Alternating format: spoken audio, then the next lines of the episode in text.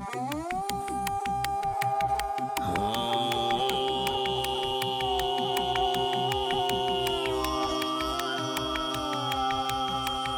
årene mellem 1725 og 1743 gennemførte det russiske imperium to gigantiske ekspeditioner gennem det barske og ufremkommelige Sibirien til Kamchatka og det nordlige Stillehav.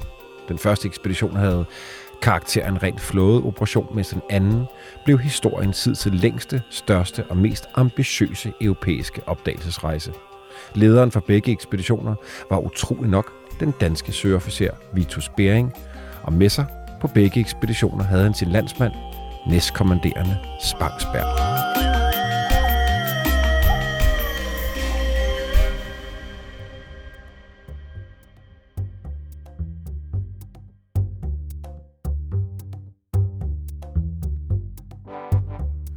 Du lytter til den yderste grænse. Jeg hedder Bjørn Harvi, og vi er i gang med ekspeditioner, der gik grueligt galt.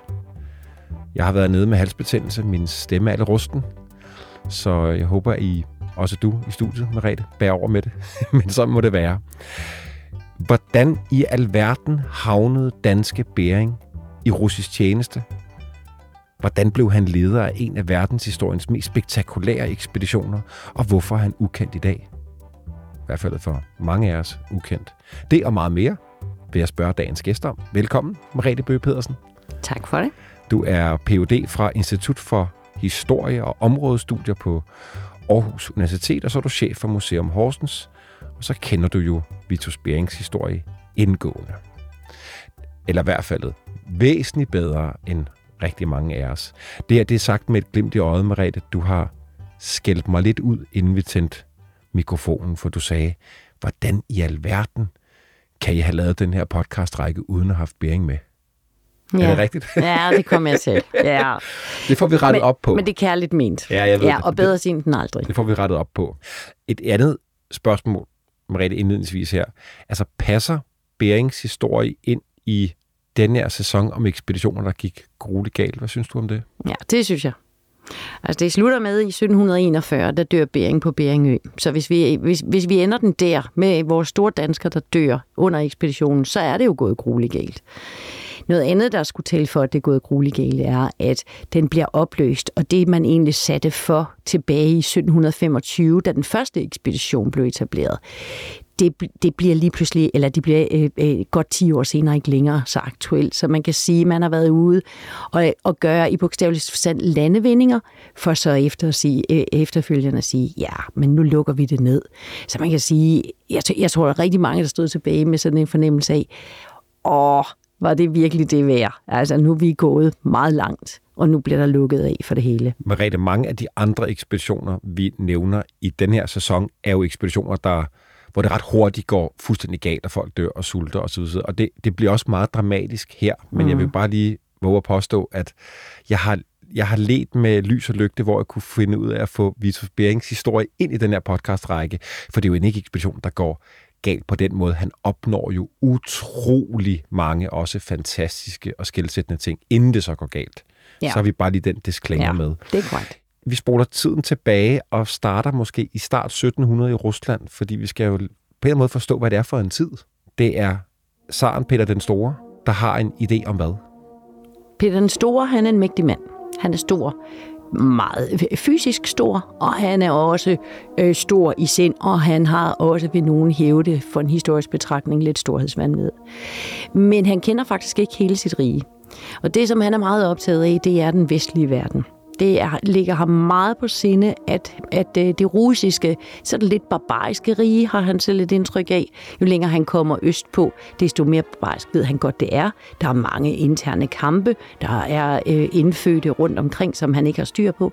Men der bliver han mere og mere øh, optaget af, at nu vil han være som Vesten. Så det russiske rige skal vestliggøres. Og Peter den Store er selv øh, øh på ambassade, altså rejser rundt i Europa for at øh, lære de vestlige landes øh, måde at agere på meget nært at kende. Og undervejs, der møder han jo sådan en hel masse forskellige dygtige mennesker. Herunder også nogle af dem, som er optaget af floden. Og noget af det, som er vigtigt for Peter den Store, det er floden. Han han, han er kendt for at skulle have sagt, at hvis man har en her, har man en hånd, har man en flåde, så har man to. Så det er sådan meget vigtigt for ham epokegørende, at han, han får, øh, får værvet nogle dygtige mennesker til floden. For det, det handler om for Rusland, udover at han skal kende sit store rige, det er, at han skal have adgang til vand. Og der er russerne jo lidt mærkelige. De, de har ikke rigtig adgang syd for landet, landets grænser. Så det, man har adgang fra, det er ud mod Østersøen. Og på det her tidspunkt, der ligger man med de store nordiske krige, og svenskerne, de, de er nogle skiderikker, de, de bestemmer det hele derovre på de kanter. Øh, og danskerne er jo også i konflikt, så der, der er en masse øh, ting kørende der. Og ellers så har russerne adgang til havet gennem ishavet, altså nordpå. Og det giver sig selv, det er ikke, det er ikke øh, let fremkommeligt. Så, så, så der er noget, der skal udforskes her. Og det, som er vigtigt så for Peter den Store, det er at værve nogle meget dygtige mennesker til den her flåde, så han kan ud, få udforsket, hvad er, hvordan er virkeligheden adgangen til den store verden, udover adgangen gennem Østersøen. Og man aner ikke rigtigt, hvad man egentlig har over på øst. Nej. siden. Det er så langt væk. Ja, det er, det er over på den anden side af jordkloden. Ja. Efterretninger har der været. Det, de, de er så langt nu i historien, hvis vi kigger tilbage, at der selvfølgelig har været folk afsted. Og for, for det russiske rige har der også været kosakker afsted, så der er noget, man ved. Men det er et kæmpe rige, og der er meget, meget langt fra St. Petersborg i vest, og så over til det, som vi kommer til at tale om her, Kamchatka og Beringø i øst. Og man tror, måske, man antager, at Rusland måske er landfast ja. med Amerika. Ja. Det aner man ja, ikke, om det nej. er der Nogen tror, øh, andre, øh, øh, Peter den Store tvivlede måske lidt, at, at der var et strid, øh, og andre troede noget andet. Under alle omstændigheder, det er i virkeligheden det, det så ender med, som det, det primære ærne, eller, øh, eller primære mål i den første ekspedition, at man skal finde ud af. Og hvordan i alverden kommer danske Horsens fødte Vitus Bering ind i billedet her. Det er jo verdenshistorie, vi snakker om. Ja, men han har allerede været i marinen. Ja, han har været ude og sejle. Han, øh, øh, øh, vi ved ikke præcis, hvornår han har forladt Horsens, men vi ved, at han, han kommer ind i, øh, ja, han kommer i flåden og han kommer til at sejle øh, øh, mod Ostindien, altså det, som ligger øh, øst for Afrika, over mod Indien, det der område. Øh, og det er, um, det, det, det er ikke mange ture derovre, der er ikke ret mange, som, som har muligheden for at sejle på de her store have.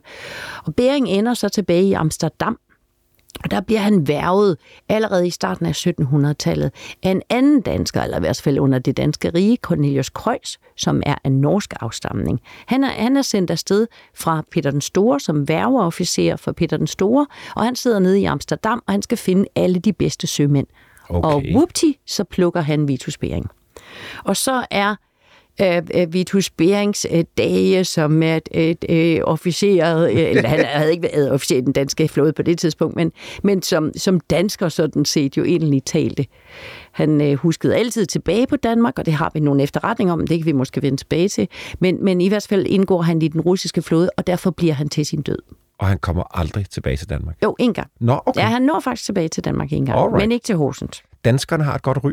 Eller Meget hvad? godt ryg. Ja. Vi er rigtig dygtige sømænd, så det er danskerne, man vil have fat i. Så sender man jo så den her kæmpe store ekspedition afsted. Bering bliver valgt. Ja. Hvordan sker det? Ved vi det?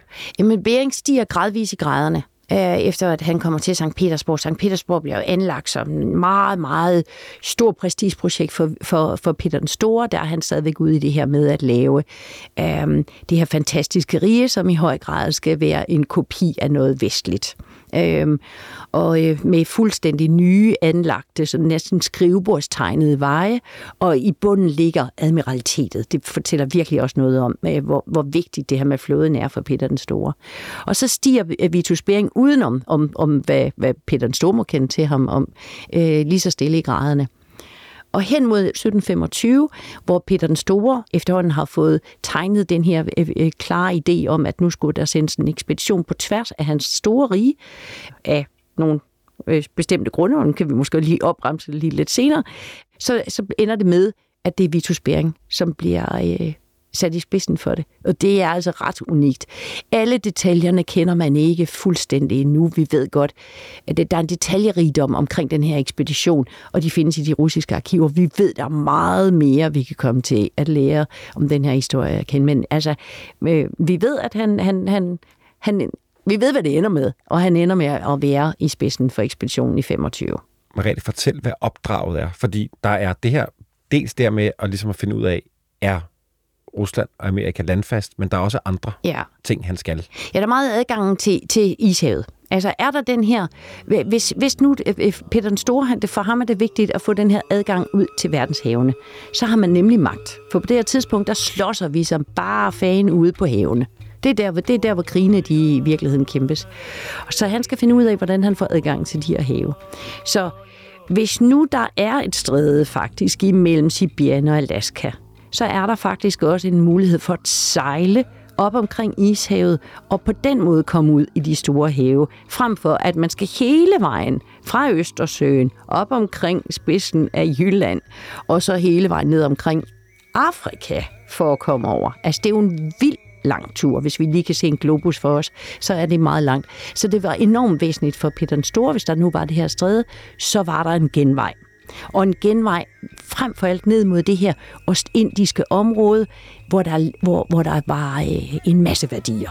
Så var der altså virkelig noget at hente. Så det her, det drejer sig om at få defineret sit rige, øh, hvor stort var vores rige, hvor, hvor, hvor, øh, hvor let var adgangen til havet, hvordan kunne man komme i besiddelse af nogle værdier, en masse skatte, øh, og så gælder det om at få etableret magt på, si, på tværs også af sit eget rige. Han skulle etablere postruter. Så øh, øh, efterhånden, som de kæmpede sig igennem det her store rige, 10.000 km på tværs af det store rige, så blev der anlagt postruter, Og nu et siger poststation. kæmpet, så man ikke er op og slås med, med folk, men det er mere bare, nej, det er man så stræde sig igennem. Ikke? Ufremkommelige, ja, ufremkommeligt, ja. land. Altså, øh, folk også nu, som bevæger sig så langt mod øst, siger, at det er en lang tur. Jeg har desværre ikke prøvet det, men det er en Altså, frygtelig lang tur. Tusind spørgsmål dukker op, fordi aner Bering overhovedet, hvad det er, han rejser ud i. Altså, det er jo halvdelen af verden igennem det der gigantiske Ja, land, ikke? Og, ja, der, er- og der er ja. utrolig lille Ja. fortal af viden om, omkring det her, og hvad det er for nogle folk, han kommer til at besøge, ikke? Ja. Men det er jo det, der er, så, det er det, der er så spændende, og som binder de her opdagelsesrejser rigtig meget sammen. Vi giver dem sådan et skudsmål på bagkant. Ikke? Hvad er det for nogen? Fordi de har været ude og, og igennem alle de her strabasser. Så, så når vi ikke kender noget mere til dem, så alene det, at de har gjort det, er jo noget, der fortæller om en karakter. Så, så alene der er der jo et eller andet, som, som, som, som øh, knytter ham an til karaktertræk som viljestyrke og stedighed og også noget fanden i voldskhed. Og har der også været ambitioner? Ja, bevares. Altså, øh, men, men, og, og også noget, ja hvad? Altså, det, noget skørt. altså, det er jo... Det, det, Heldigvis. De, ja, ja, heldigvis. Ikke? Altså, der var nogen, der gjorde det. Der var nogen, der turde gøre det. Men han vidste godt, at det blev svært. Og det har vi efterretninger om. At han, han, han har skrevet hjem også senere, han skrev til sin moster i et brev senere, at han vidste, at det var svært. Så Den første ekspedition, der er, jo, der er jo to ekspeditioner, vi skal ud på nu. Vi prøver lige at holde dem adskilt, mm. og det kan nogle gange være lidt svært, fordi mm. Hvor er det, viden kommer fra, og hvad var det, der skete, og det er den samme rute osv. Men vi prøver at dele dem op, Margrethe. Vi skal have introduceret, bare lige kort, to andre vigtige mænd, tænker jeg. Spangsberg og Tjerikov. mm. Hvad, hvad ved vi om dem? Vi ved, at uh, Tjekov, han var, uh, han var russer, øh, og uh, var en uh, underofficer i, i den russiske flåde, og han blev ansat under uh, Vitus Bering. Så er der Spangsberg, og han var dansker. Så vi har to danskere på den her store ekspedition. Spangsberg kom fra Esbjerg-egnen, og vi ved faktisk ikke ret meget om ham. Han, han angiver selv, at han er fra noget, der hedder Hjerne, men vi kan simpelthen ikke finde ham. Øh, hvor vi kan placere Bering øh, øh, meget præcist i, i, i Horsens. Vi har en, sågar en døbefond, som han blev døbt i. Så kan vi simpelthen, så smuldrer øh, han lidt mellem fingrene på os, Spangsberg. Men han er dansk, og han bliver også næstkommanderende. Og så er det sådan i den russiske flåde, at øh, der er en kommandør, det er jo selvfølgelig ham, der har det øverste ansvar, det er ham, der skal svare i forhold til øh, hans øh, øverste boss. Og i det her tilfælde jo en zar, og senere nogle zarinaer. Øhm, men, men de skal altid i flåden tage deres umiddelbare officer øh, med på råd. Og det, er, det bliver ret afgørende i forhold til den her første øh, ekspedition også.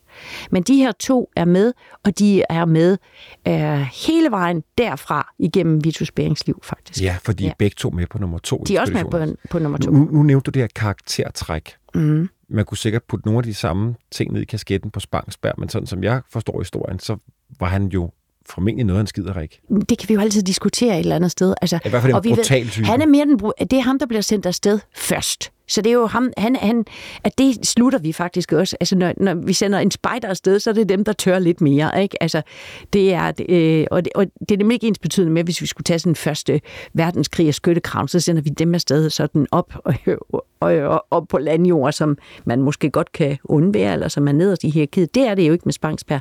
Jeg ser ham for mig som en stor bjørn, der simpelthen tør gå ud og tage nogle bøllebank. Og også tør gå ud og give nogle bøllebank. Fordi det, der jo sker, det er på sådan en ekspedition her, man bliver sendt afsted med, fra Peter den Store, men efterhånden som de kommer mod øst, så er der jo ikke en kæft derinde af, hvem Peter den Store er. Peter den Store har jo ikke magt. Altså, det, hvis ikke man ved, hvem, hvem manden er, så, så har han jo i sagens natur ikke magt over en. Og det, de er udstedt med, det er et brev til de her forskellige mennesker, de kommer frem til, om at de skal give alt, hvad de overhovedet har, til Vitus Bering og hans folk. Og der er givetvis nogen undervejs, som siger, det vil vi ikke.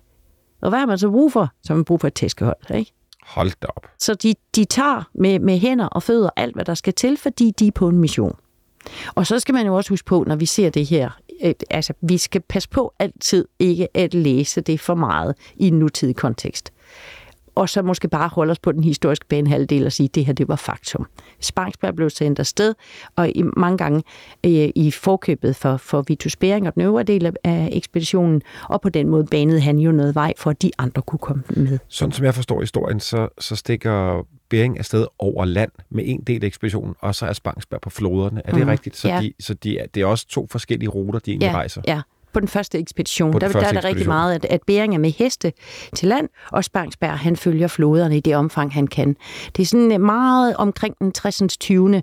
breddegrad, hvis man ser en globus for sig, så er du det... har jo et kort med. Ja, jeg har, ja der og hvad, nu er det være, det krasser lidt. Men, det gør men, ikke noget. Hvad, hvad er det for et kort? Jamen, det, det, er, det er et af de store kort, vi prøver at lave i museer nu. Det er så svært en ekspedition at samle det her, fordi den har så mange elementer i sig.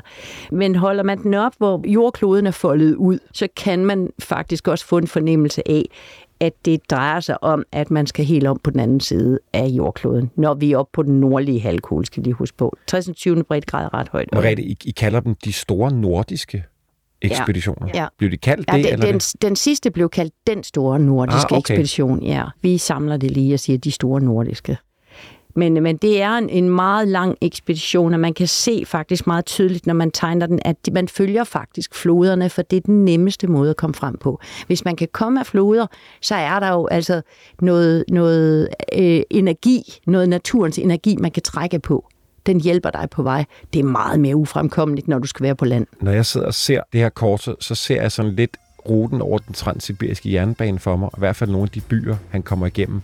Perm, Jakutsk, jeg ved ikke, om man også er Irkutsk, men de her store, ja.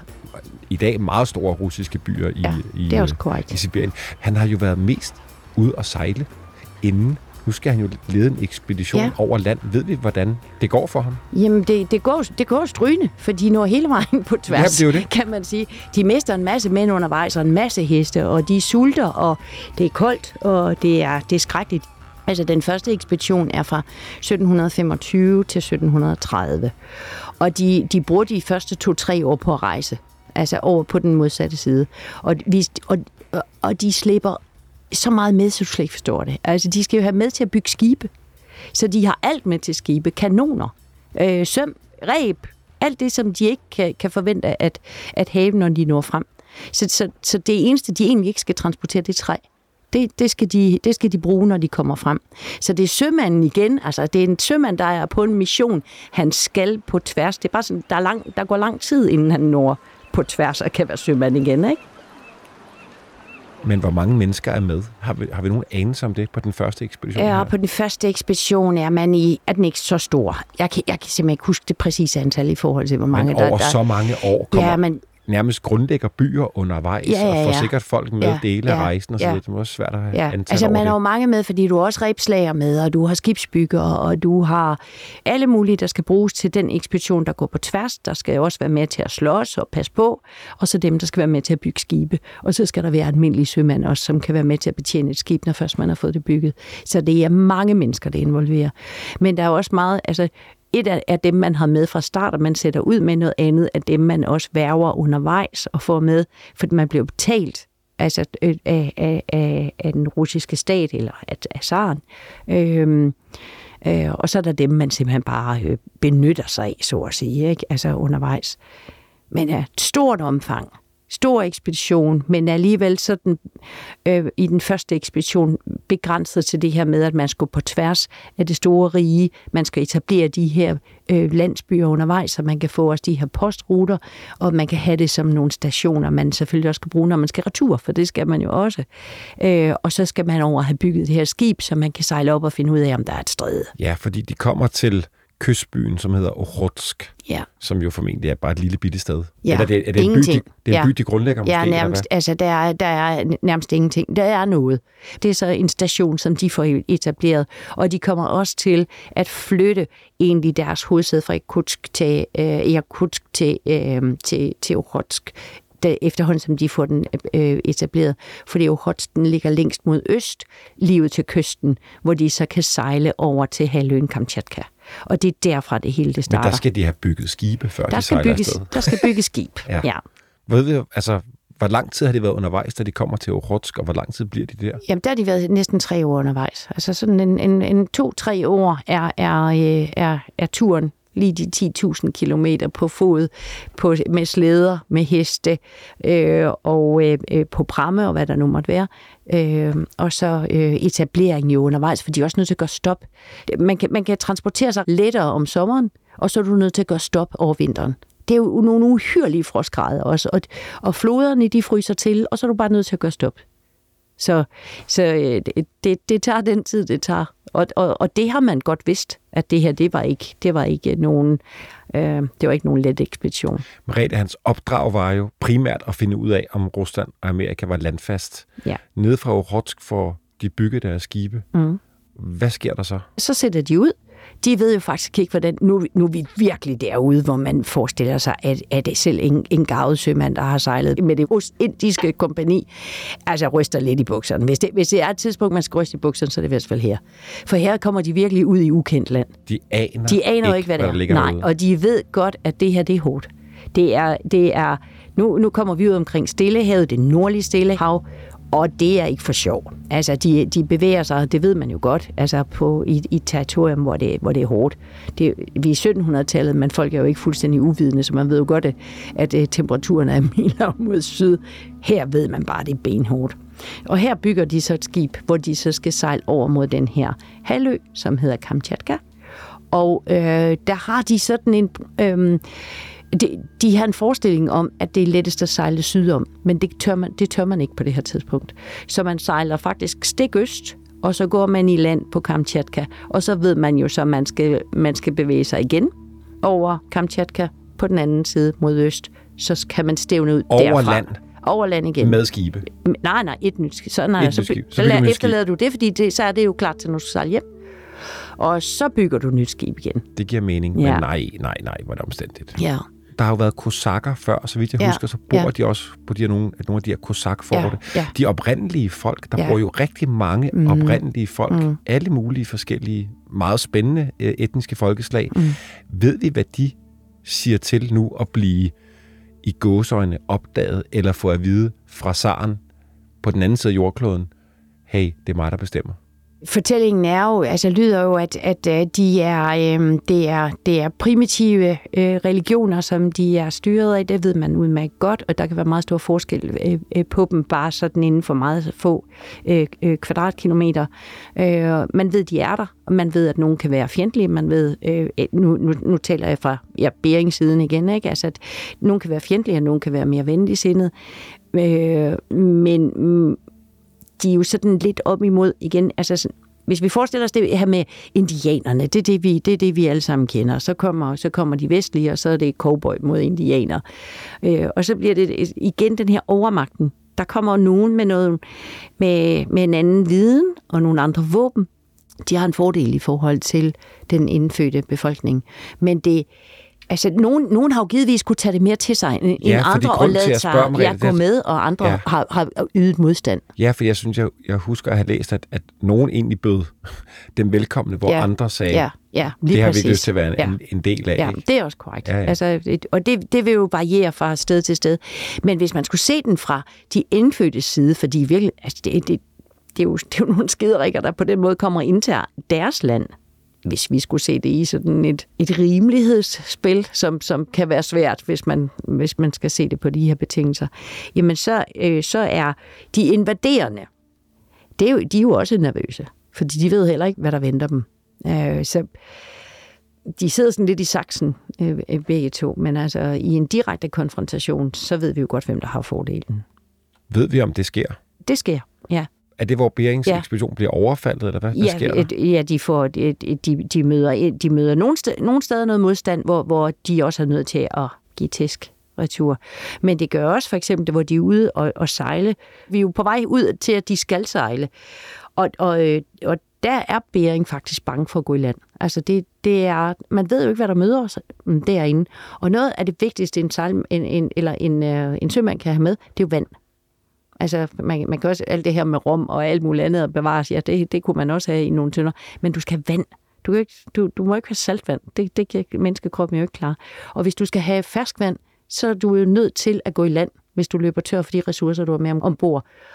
Og her blev de bange. Fordi der ved de faktisk ikke, hvad der møder dem, når de går i land. Ja, du sagde for kort tid siden, at de var nervøse for at sejle syd om Kamchatka. Jeg troede, det var på grund af, af vejrforholdene og skær Jamen, det og så er det videre. også. Det, det, Nå, det, okay. ja, det, det, er, det er, Men det er måske det er også primært, bange for at gå i land visse steder. Nej, det er primært faktisk for, for, øh, for, for, øh, for søen. De, vi, sammen med Bering, får krydset Kamchatka, bygget mm. et nyt skib, og så er det vel, Mhm. tænker jeg, uden at lægge ordene i munden på dig jo, den første ekspeditions højdepunkt. Ja.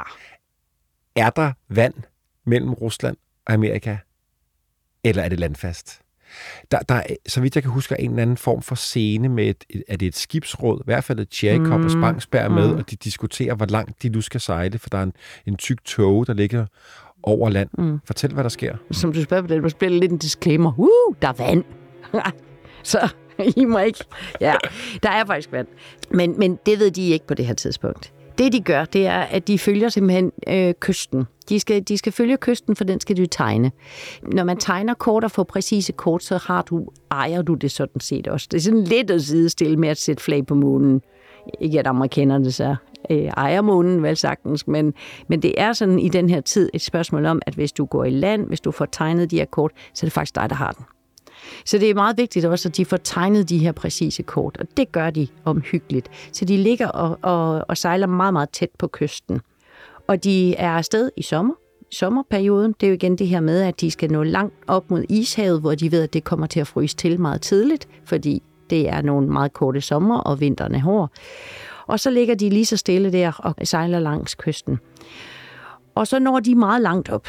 De når faktisk op omkring den 65. 20. breddegrad. Og det er lige sådan der, hvor strædet det faktisk er. Der, hvor det er smallest. Lige omkring cirka 80, 80 km er der på det smalleste sted, i det, der senere kommer til at hedde Beringstræde. Øhm, og der er, øh, der er turen allerede så langt fremskreden, at Bering er faktisk selv nervøs for øh, at sejle videre, selvom faktisk opdraget var, at han skulle sejle, længst, sejle langs kysten hele vejen op til, at han følger kysten, og nu begynder der at komme et åbent hav, hvor, hvor det drejer mod vest. For så ved de faktisk, hov, så er de jo faktisk fri af Alaska. Og der kommer de kun op til den 65. 20. breddegrad. Og der er vi altså ikke helt fri. Det er ikke folk selv øh, øh, nørde med ved at kigge på en globus. At Der er vi altså ikke nået helt op til toppen af det sibiriske land. Og hvorfor vender han om? Øh, øh, vejr og nervøsitet for at få bragt øh, sin, øh, hele sin besætning trygt tilbage til Kamchatka. For der er åbenbart en diskussion ombord. Ja. Tjerikov Ja, det bliver for så lader kommer... til at være ligeglad med besætningen, og vil gerne have, at de skal fortsætte. Ja, det, ja, så bliver du hård.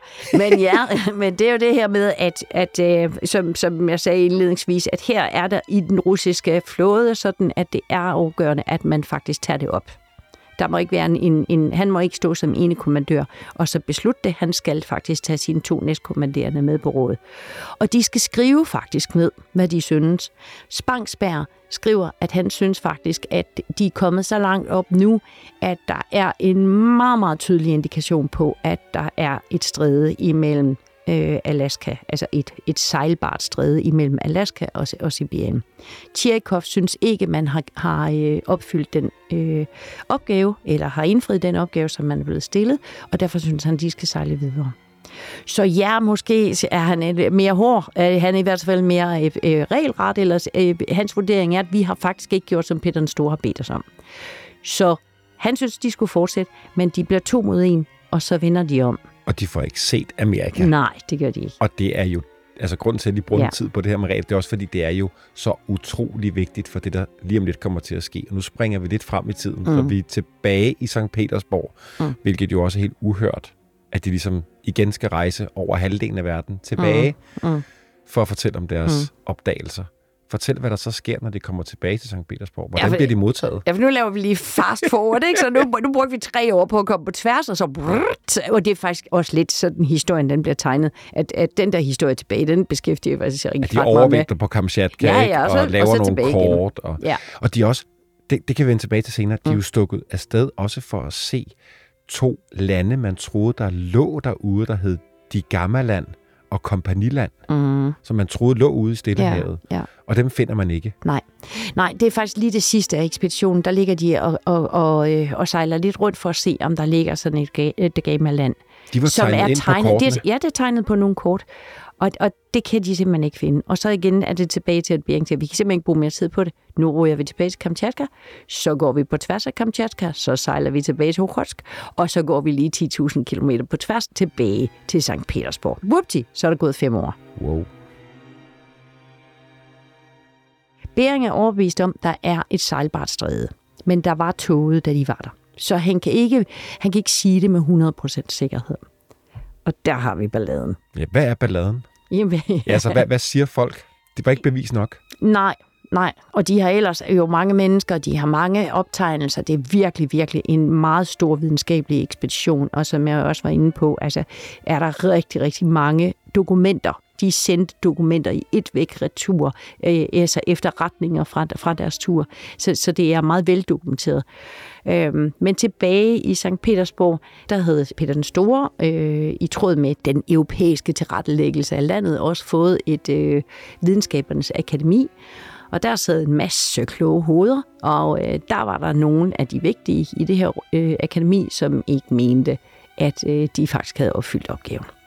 Så der stod de faktisk tilbage, sådan lidt slukøret. Altså fuldstændig overbevist om, at alt var gået godt her, og de blev også vel modtaget. Men vi skal også, Peter den Store var i mellemtiden blevet, øh, var, var i mellemtiden død. Hans øh, øh, kone havde taget over, øh, øh, hvorefter at hun så dør, så går det er en frygtelig, altså stamtræet i, i Rusland, det er skønt at, at studere. og så går det til deres øh, øh, øh, barnebarn, nej, til hans barnebarn af, af første ægteskab. Han dør så også sikkert af en kone, der slår ihjel. Så går det over på den anden side til Peters skøre øh, øh, bror, som øh, øh, Ivan, som han havde egentlig delt magt med. Og så bliver det hans datter, som bliver øh, Sarina Anna Ivanova. Der er der bare også nogen, en anden stemning. Altså det er der jo, når der er kommet en ny magthaver til, der er en, en ny dame, en ny sheriff i, i byen. Og så med det her øh, videnskabers akademi, så ser det bare anderledes ud. Og der skal Bering jo stå skoleret, og han skal fortælle om alt, hvad de har oplevet, og det, de må have med hjem af værdier, skal selvfølgelig forelægges for, for øh, Sarinaen. Og så får hun en idé. Så sker der jo nemlig det, altså, at nu skal, nu skal vi videre. Og det, hvis det her det var stort, så skal, vi, så skal vi gøre noget, der er endnu større. Og det blev nok også noget, øh, eller øh, det vi har fra kilderne er, at Bering også lagde til øh, i, en, i virkelig sådan et forsøg på at overbevise øh, magthaverne og de øh, vigtige mennesker, der var øh, omkring øh, Sarinaen derovre, at øh, det var ham, der var den rigtige til at ryge afsted igen. Så øh, for hver eneste ekspedition, der, der blev øh, formuleret, så blev der nærmest lagt nyt til, og nyt til, og nyt til. Og vi har også efterretninger, øh, øh, hvor Bering selv øh, vurderer, at det blev simpelthen for stort. Altså det var, ja, så er vi tilbage til titlen på, på, på serien, ikke? Det blev for stort for sit eget bedste, og det var nærmest øh, dømt til at mislykkes. For hvad var opdraget? Altså, han skal afsted. Han er igen chef for nummer to ekspedition, Ja. som vi sagde indledningsvis, den største Ja. ekspedition, der er set i verdenshistorien, formentlig. Der er han kommet retur. Han har også været omkring sin, øh, sin by, hvor han bor med sin kone. Han, også, han har nogle problemer. Der er en masse øh, øh, sværslag og magtkampe og det slige. Han når at få et barn mere Og så bliver han kommandørkaptajn, og der bliver han så udnævnt til at være kommandørkaptajn for den her store nordiske ekspedition, og den har mange ben. Den ene, det er en ishavsekspedition, som, skal, som, som er i flere øh, øh, sektioner, hvor øh, der skal være ledere, der skal sejle langs floderne op mod ishavet, for at øh, få tegnet hele billedet af den nordlige del af riget, og også over mod den side, som Bering ikke... Man skulle gerne se strædet i solskinner kan man sige. Ikke? Det er den ene, det er Ishavsekspedition. Så er der en Japan-ekspedition, den skal Spangsberg stå i spidsen for.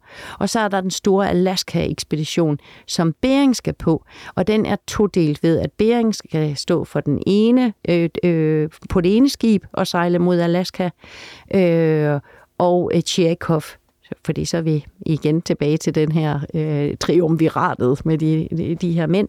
Han skal være på, den anden, på, på det andet skib. Det bliver på St. Peter, som, som, som Bering får øh, øh, kommandoen over, og øh, Tjekov får over St. Paul. Og det er derfor, at byen i dag, som de sejler ud fra på Kamchatka, hedder Petropavlovsk. Ah, det er fantastisk. De og, og der skal de simpelthen til Alaska og, og sætte flaget, eller hvad? Skal de over claime land? Ja, tegne igen. Okay. Over tegne, ja. Og, og, og så den sidste ekspedition, den er så videnskabelig. Og den skal, den, det er simpelthen øh, i høj grad det her videnskabernes akademi, der kommer igennem med det her med, at det er så vigtigt, at man, man, man får ny viden. Det, det er så logisk for os, at, at vi kender til alle dyr på, på jordkloden, og så bliver vi alligevel sådan vildt forbavset, når vi hører, at dybt ned på stillehed har man fundet nogle nye arter. Men her tænker, skal vi faktisk tænke på, at der var så meget selv, altså at, at, at det vi logisk kender i dag, som, som endnu ikke var opdaget, og det skulle man ud og, og, og finde ud af. Så vidt jeg kan forstå, så er det ret vigtigt, at den er ret væsentlig, den der videnskabsekspedition, fordi den, den, den på en eller anden måde i dag er kilden til så meget information, netop fordi der blev lavet så mange optegnelser, kort og dagbrugsnotater. Det har sikkert været på alle, men... Helt sikkert, ja. Har vi nogle, hvad kan vi kalde det, højdepunkter for den her anden ekspedition? Jeg ved godt, det er jo 10.000 mand, der er afsted. men, men de rejser jo nogenlunde af samme rute, kommer igen frem til, kommer de frem til Okhotsk igen. Mm øh, og, og sejler over, grundlægger Petropavlovsk. De skal ud og lede efter de gamle land igen, eller ja, hvad? Ja, Altså, jeg synes, der er mange højdepunkter i den her. Men altså, hvis jeg må tage en, en undervejs, så, så er det, at Bering faktisk har sin kone og sine to yngste børn med øh, på den her anden ekspedition. Spangsberg har faktisk også sin kone med, og, og det i sig selv, altså når nu vi allerede har været ude i at fortælle om strabasserne under den første, det er jo helt vildt. Øh, og når vi ser pakkelister, for det er faktisk nogle vi har kilder, vi har, fordi øh, øh, øh Anna, øh, øh, Berings kone, hun når rejse, eller hun rejser, før han sejler ud. Øh, og der skal hun, øh, der skal hun øh, have fortollet de varer, hun, eller de, de øh, genstande, hun har med retur. Der ved vi for eksempel, hun har medbragt sit klavikor, altså har haft et lille klaver med her på tværs af det russiske rige, 10.000 km, med sine børn og en masse sølvtøj. Og øh, man siger også, altså metervarer i sådan nogle mængder ej, at man nej, skulle nej. tro, de skulle åbne butikker undervejs, og det skulle de jo ikke. og så skulle de selvfølgelig også have en masse perler med, fordi det er igen det her med, så man også vidste faktisk fra Columbus, det kunne jo være, at man mødte nogle dumme indfødte, som ikke anede, hvad de havde med, mellem hænderne, så hvis, man kunne, hvis nu man kunne falde over en masse guld, og så bytte det for nogle perler. Så det var mængder af, af, af genstande, som de slæbte med, hvor de så havde deres damer eller koner med, og børn. Og når de så havde det, fordi det er sådan en, der også altid sådan har undret mig, eller det er den første gang, jeg hørte om den, det, der synes man, at det er ikke logisk. Altså, hvorfor bringe øh, koner og børn med på sådan en vanvittig tur, hvor der er altså bare fordi de har været på den før, så er den jo ikke blevet mindre farlig. Der er øh, øh, øh, natur, som du ikke kan være herre over. Der er en masse dyr, som kan komme og, og, og, og slå dig ihjel. Øhm, men det drejer sig om husholdning. Altså, Bering havde to øh, ældre sønner, øh, Jonas og Thomas, de var ladt tilbage, for de skulle gøre deres uddannelse færdig. Og de var så i, i, i andres varetægt. Men de her små børn, de skulle med. Og hvis Bering han skulle have haft en husholdning kørende, så ville det jo kræve umådelige midler. Så det var simpelthen også et, et, lille sparegreb at tage sine børn og sin kone med på tværs af det russiske rige. De bliver så, de, der etablerer de sig i Uhotsk, og der øh, øh, har vi nogle fantastiske breve, som er fundet ved tilfælde i forlagt i nogle helt forkerte arkiver.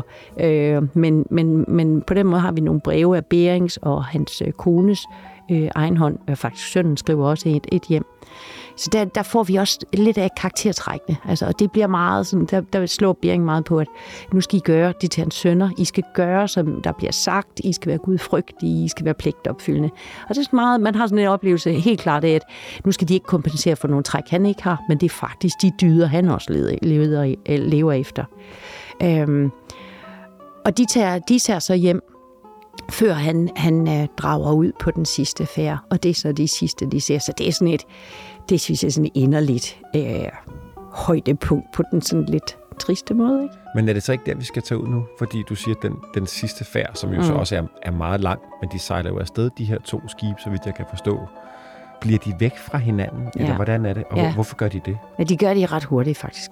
Storm, vejr, igen, nordlig stillehav. Det er fra Kamchatka, de sejler ja, afsted? det er det lige præcis. Og skal ja. igen op til strædet? Nej, der skal de faktisk sejle stik øst over mod Alaska. Der er andre, der tager sig den anden del. Det er en del af Ishavsekspeditionen at komme op mod strædet, så nu skal de ud på noget endnu mere øh, øh, vågemodigt. Tjerikov på, den ene, på det ene skib, og Bering på det andet skib. Og de skal følges ad, for det er selvfølgelig en masse sikkerhed i. Altså, at man, man følges øh, for sikkerheden, og man følges også for, for, for den videnskabelige del, når man er kommet længere frem. Man kan være med til at hjælpe hinanden med at tegne og at indsamle i forhold til den videnskabelige del af ekspeditionen. Og så, mens vi er ude på havet, skulle vi lige have introduceret en, en, en vigtig mand, der hedder Steller. Ja. Fordi når man sidder også og, og, og læser bøger og finder og ting på nettet, så er der jo nogle fantastiske tegninger med mm. fra ekspeditionen. Altså helt utrolige. Og det er jo Stellers. Ja. Er han, er han øh, biolog eller ja, botaniker? Ja, eller hvad ja, han er? ja, han er lidt af det hele, øh, som, som mange videnskabsmænd er på det her tidspunkt. Og han, øh, han, er, han kommer med på Berings del af ekspeditionen. Og det er i høj grad fra ham, at vi har nogle meget væsentlige efterretninger om, øh, hvad der videre skete. Altså på selve ekspeditionen og øh, efter at øh, det går så grueligt galt, for vi har jo lavet disclaimeren også, at han desværre dør jo på det, hvad vi senere kalder Beringø. Øh, og det fortæller han også om. Øh, så han er enormt vigtig som kilde i forhold til, hvad det var, der skete. Derudover, så er der også en hel masse dyr faktisk, som bliver opkaldt efter Steller. Øh, Stellers øh, søko, den uddør senere. den er sådan stor, siger man, øh, for en øh, få en, en fauna-betragtning, stor kluntet en, som, som, som ja, den kan ikke Ele- overleve. Det, det, altså Elefant det, i vand. Ja, næsten. det bliver, da først survival of the fittest går i gang, så går det galt for den. Ikke? Så den, den, den, den, bliver, den bliver udryddet meget hurtigt, efter man faktisk har set. Men der er også den store stillers havørn, og der er, jamen der, der, der er mange andre øh, forskellige dyr, som er blevet opkaldt efter steller. Men steller faktisk er også den første til at vide med sikkerhed, at de har, øh, de har set Alaska, da de når derover, fordi han ser den blå skovskade, tror jeg, det er, det den hedder. Den er blå i hvert fald. Og, og øh, da han ser den, den har han nemlig læst om, at den hører til på det amerikanske kontinent, så er han helt overbevist om, det er Alaska, vi er på. Fantastisk. De sejler afsted, skibene er blevet væk fra hinanden. I hvert fald på Berings skib er, er mændene meget syge. Det bliver de, og det bliver de også på Tjerkov. Hvor, hvorfor? De får for lidt vand med, kan man sige, i forhold til den store ekspedition. De får de også for lidt god mad med. Og så, så, så er det altså ikke godt at være sømand. Øh, vi har sådan fra, fra den tid også nogle, uh, nogle, nogle lister i forhold til en dagsration. Det, det er jo meget saltet kød, altså det, øh, man skal have med. Der er fuldstændig eklatant fravær af grøntsager øh, på de her gamle øh, skibe, når man sejler ud. Så de lever simpelthen så dårligt. Altså, så det er skørbu og, det er skørbu. og mangel på vitaminer? Yes, man, man, man, man får. Og der bliver Steller så igen vigtigt, fordi Steller, han er overbevist om faktisk, at noget grønt gør godt, så da han, de endelig kommer til Alaska, så går han i land også for at samle grønt ind. Og han spiser grønt, og de her sømænd, de tænker, at han er vanvittig og benegal. Og de har faktisk ikke lyst til at tage noget af det. Men det er ham, der i høj grad er med til at sikre, at der trods alt er nogen, der overlever, da de først render på øen. Men i hvert fald, ja, altså så er det øh, nogle, nogle elendige øh, ration, øh, rationer, der er med på sådan et skib, og de har for lidt med. De kommer til Amerika? Ja det gør de. Altså efter først de er kommet fra hinanden, og det er jo så det, det store drama med, med, med høj sø, og øh, det er et forfærdeligt uheld. Og, de, og Bering ligger og sejler rundt længe for at prøve at se, om han kan finde Tjerikov. Men de kommer fra hinanden, og de finder ikke hinanden igen på ekspedition. Øh, Tjerikov, han lander faktisk længere ind, kommer, kommer længere ind altså længere mod, mod, mod øst ind på, på, på Alaska-kysten, end, end Bering gør. Så de følger, kommer til at følge forske, forskellige ruter. Det er altså også det store hav. Det er altså når her er ingen retter, der er ingenting. Altså, I når først tog, ja, der er ja, alt muligt høj sø, der er, ikke, der er ikke nogen vej tilbage. Og så finder de ikke det her kompagniland og Dagamaland og alle de her forfærdelige ting, som de også er blevet sendt ud for at finde. Øh, men så find, kommer de til Alaska. Og efter alle de her strabasser igen, altså hvor vi snakkede om det på den første ekspedition, så, går man, ned, så når man ikke engang helt i top, og så vender man om, for man skal skynde sig tilbage, fordi man skal have mandskab med så er de faktisk kun i land i meget, meget kort tid, og Steller han er rasende. Og han synes, at øh, Bering er ved. Så det bliver også et skudsmål, som Steller faktisk giver med til Bering. Udover alt det her, vi egentlig har prøvet i forhold til at fange ham, som hvad er han for en, så får han altså også lidt et skudsmål derefter, som at være ved. Han hører for meget på sine sømænd, og og, og Steller, han er båret af, af videnskab og, og fornuft, mens de andre, det er nogle ja, sømandstosser, synes, synes Steller i hvert fald. Og der synes han egentlig, at, at Bering han skulle have stået mere op for, for den her del af ekspeditionen. Men faktum var også, at Bering var syg. Altså, Bering havde ingen kræfter at gå med. Så han var mission accomplished. Lad os komme tilbage. Ja, det var ikke så godt. Ja, nu er vi virkelig, nu er det ved at gå grueligt galt. Og der var mange sømænd omkring, øh, eller øh, på, på båden. Først nogle af 70 var med på, øh, på de her både. Det var kæmpestore både, øh, eller skibe. Og, øh, og rigtig mange dør. Og, og langt de fleste får så sømandsbegravelsen, altså plop, direkte i havet. Så der er heller ikke mange til at føre skibet. Merete Bering er syg. Steller er vred over, at han ikke har haft mere tid over på Alaskas kyst. Mm. Det må have været en guldgruppe for mm. sådan en, øh, en botaniker som ham, men han havde ikke tid nok. Og så skal de jo den lange vej tilbage til Rusland. Ja. Hvad, hvad, hvad sker der så? Altså, de går i land i juli måned i 1741. Og så er det, de har sådan cirka seks dage, så sejler de også langs kysten, og så skal de jo ellers retur. Bering er rigtig syg, der er mange sømænd, der er døde, og andre, som også er syge. Så det er virkelig et skib i en elendig forfatning. Så Bering med det sidste var sådan, nu skal vi hjem. Uh, vi skal, vi, vi, hvis vi skal overleve det her, så skal vi retur. Og så kommer de til på, på, på nærmeste hold at opleve det her med, at det er det værste ocean at sejle i. Så der bliver øh, forfærdelige storm og, og høj sø, og de kommer ud af kurs, og de bruger alt for lang tid på det. Øh, og først i november, der ser de faktisk noget land. Øh, og, og for en kort stund tror de, at det er øh, øh, øh Kamchatka, altså Petropavlovsk, som de sejlede ud fra. Eller nej, ved øh, bare Kamchatka, som de når retur til. Og de, øh, de lægger sig til i, i sådan en mirakel lille bitte havn, viser det sig, fordi det de jo faktisk er ind på, det er Beringøen. Og der Som går, er en lille ubeboet ø. Forholdsvis okay stor, men ja, men lille i russiske sammenhæng. okay. ja. Øh, og, og de ved ikke på det tidspunkt, det er ø. De, de, de håber faktisk, at længe det er Kamchatka, og at det er bare deres dårlige forfatning, at, at de har regnet forkert. Og i november, der går de så, de rekognoterer, og så, øh, øh, så sætter de folk i land. Og øh, efter at de har sat mange i land og rekognoseret og set, at det her det er ikke så godt, så tager de bæringen med i land. Og der graver de så en, øh, laver de det, som man senere, og som også i Stellers beretninger og Vaxel, som blev næstkommanderende på skibet, eller var næstkommanderende på skibet efter Bering, øh, og hans beretninger, så gravede, lavede de en vinterlejr, hvor de simpelthen benytter sig af det her med elementerne, som, som vi kender det fra øh, gruppehuse. Altså man, man, graver, man graver sig selvfølgelig ned, fordi så får du, så får du varmen den vej fra. Det var de nødt til. Øhm, og, og, øh, og der øh, bliver øh, Bering øh, etableret i et hus, hvor, hvor Stella også passer på ham. Der er efterretninger om, hvordan de ligger og sover, og revene er øh, øh, fuldstændig ligeglade med det mennesker. De knæver i deres øh, tæer om natten, og det er, det, er så, det er så skrækkeligt at være der. Og de er syge, og de er dårlige. Og mens de også er, eller efter de er gået i land, så øh, bliver deres øh, øh, øh, skib også øh, løsrevet fra anker, øh, men heldigvis kastet tilbage på land. Og det bliver deres overlevelse i sidste ende, fordi de så faktisk bruger hele vejen ind til næste sommer for at komme afsted. Men de er i land i en måned, og så dør Bering. Øh, han dør 60 år gammel. Det kan man sige, det er faktisk en forholdsvis høj alder. Øh, på det tidspunkt, der var gennemsnitsalderen jo ikke ret høj. Og han er endda sømand, og han har været ude på de her kæmpe vilde togter. Øh, men han ender med at dø her på Beringø og så får han en begravelse, som de beskriver også i de kilder, vi jo så har, har, har tilbage, fordi det lykkedes for dem at, at bygge et nyt lille øh, skib af, af resterne af det store skib, og ender med at kunne sejle retur. Øh, at der får han øh, faktisk en begravelse i en slags kiste. Og når det er exceptionelt, så er det fordi, der bare ikke, og er ikke træer på Beringøen.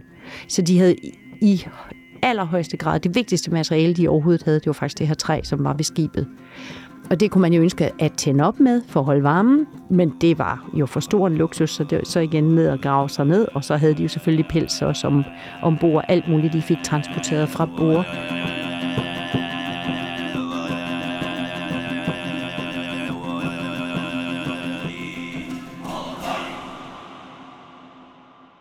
Så det, at man bruger træ til hans kiste, siger noget om hans status. Det er sådan den sidste store ære til kommandørkaptajnen, ja.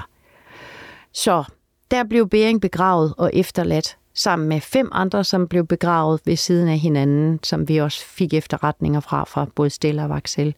Og så fik de bygget de resterende, der var tilbage fra den her ekspedition, fra, fra, fra den her del, altså Alaska-ekspeditionen på Beringskib, de fik bygget et nyt skib og sejlede tilbage. Og så retur til St. Petersborg igen, og det gjorde alle de andre også fra Ishavs-ekspeditionen, fra Japan-ekspedition og videnskabsmænd, som også var med. Hvorfor har han glemt? Glemt det er han jo ikke, fordi der ja. er sikkert alligevel en del lytter, der, der ved lidt om ham. Mm. Men i forhold til, hvor epokegørende det var. Det startede meget med, at det blev, altså i, i det politiske klima i Rusland, så lagde man ham ned. Og så ved vi jo, altså, så, så var, det, den, så var, var ekspeditionen opløst, og, og så var det det, så var man hurtigt videre til noget andet. Så der skrev man heller ikke de store forkromede biografier om Vitus Bering. Det kom først senere, og så med fuld flor, for han er stor i Rusland.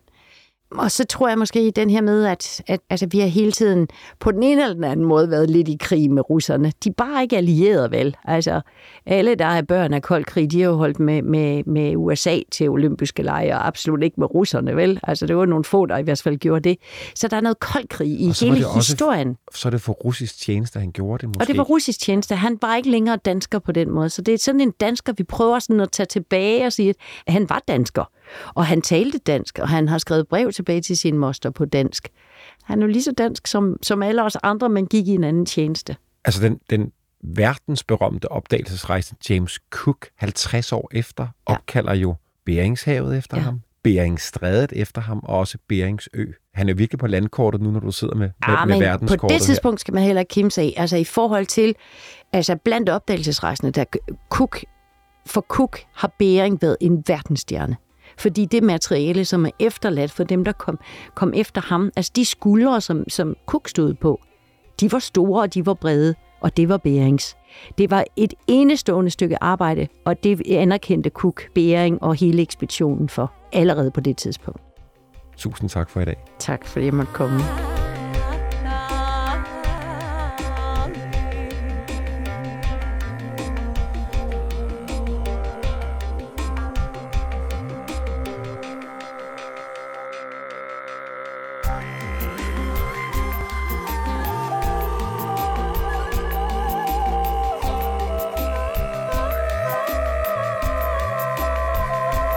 Den yderste grænse er produceret af Bjørn Harvi og Christoffer Erbo Roland Poulsen for 24-7 og Vores Tid. Redaktør er Rikke Karoline Carlsen. En særlig tak til Discovery Docs, Real Big Production og Australian and Arctic Division. Hvis du vil høre flere spændende historier om rejser, så lyt med på podcastserien Udlængsel, som laves af min gode kollega Nikolaj Sørensen. Find den og andre historiske podcasts på vores tid, eller der, hvor du normalt finder dine podcasts.